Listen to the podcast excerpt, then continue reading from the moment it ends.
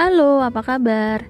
Saya Marina Fauzia, anggota Semut Merah Kaizen, sebuah komunitas yang berisikan alumni pelatihan menulis Kaizen bersama Mbak Dilestari.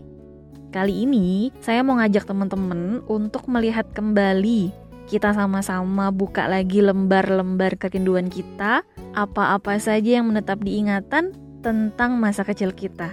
Pasti seru nih ya. Jadi, selamat mendengarkan.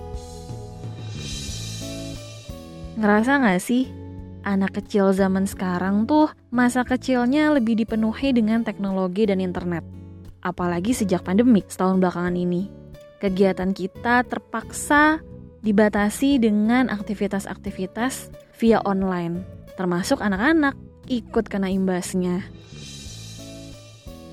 Mereka akhirnya sekolahnya juga sekolah online, ujiannya pun ikutan online, yang harusnya mereka bisa ketemu sama teman-teman, main bareng. Tapi karena semuanya dilakukan dengan online, akhirnya mau nggak mau teman mereka handphone. Jadi kerasa ada yang aneh nggak sih? Ada yang hilang gitu ya? Ingat nggak? Dulu kalau kita ditanya guru, terus kita nggak tahu jawabannya, ujung-ujungnya paling kita dihukum Anak sekarang mungkin bisa ngeles kali ya karena sekolahnya online. Aduh pak, jaringan saya lemot nih. Dulu alasan utama kita ke sekolah gak mesti tentang pelajarannya gak sih? Tapi kita pengen banget ketemu teman-teman. Apalagi kalau di kelas ada gebetan. Wah, makin-makin aja deh semangat buat sekolah. Dulu kalau hari Minggu kita rela bangun pagi banget cuman buat nonton kartun secara maraton. Mulai dari Doraemon, Pokemon, Sailor Moon, Inuyasha, Kapten Subasa, Slam Dunk, wah macem-macem deh pokoknya. Sekarang bangun siang juga gak masalah, Gak bakal ketinggalan. Anak sekarang tinggal ambil handphone, buka Netflix, terus udah deh nonton anime sepuasnya.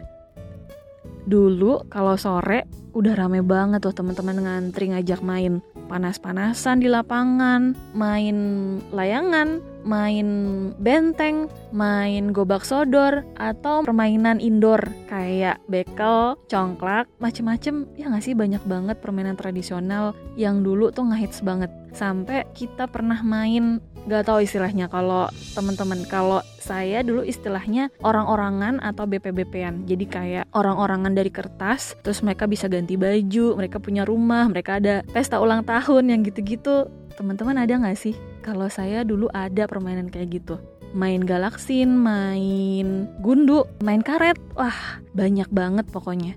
Segala jenis permainan yang bikin kita keringetan, capek.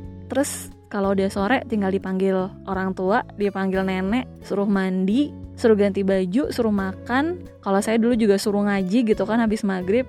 Ah, kangen banget ya. Kangen banget masa-masa dulu kayak gitu.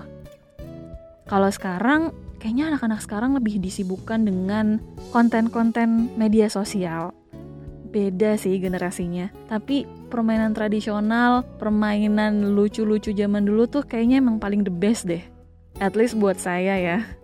Ih, seneng banget deh kalau misalnya anak-anak zaman sekarang tuh bisa ngerasain permainan kayak kita dulu. Permainan zaman dulu. Jadi nggak mesti di depan HP terus-terusan. Didominasi oleh permainan-permainan yang ada di handphone tersebut atau games-games online. Termasuk soal hari raya. Ngerasa gak sih kemarin kita dibatasi, gak bisa pulang kampung, gak bisa ketemu sama keluarga.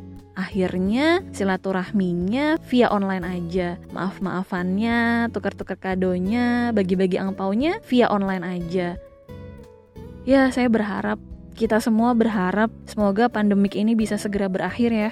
Dan anak-anak di sekitar kita tuh bisa bener-bener ngerasain lagi nikmatnya main bareng sama yang lain. Panas-panasan, keringetan, capek-capek, bau keringet, bau asem. Diteriakin ibu, diteriakin emak, suruh mandi, suruh makan. Ah, seru banget. Ya, itu aja teman-teman. Terima kasih banyak udah mau mendengarkan rentetan kerinduan masa kecil yang menetap di ingatan saya dan mungkin juga di ingatan teman-teman. Mungkin pengalaman kita ada yang sama, ada yang beda, ada yang lebih seru mungkin bahkan ya. Sampai jumpa di episode lain ya. Bye bye.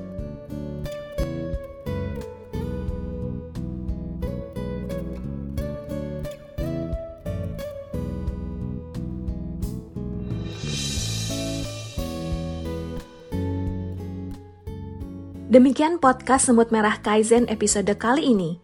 Sampai jumpa di episode berikutnya, karena semua orang bisa menulis dan semua penulis butuh komunitas. Salam literasi.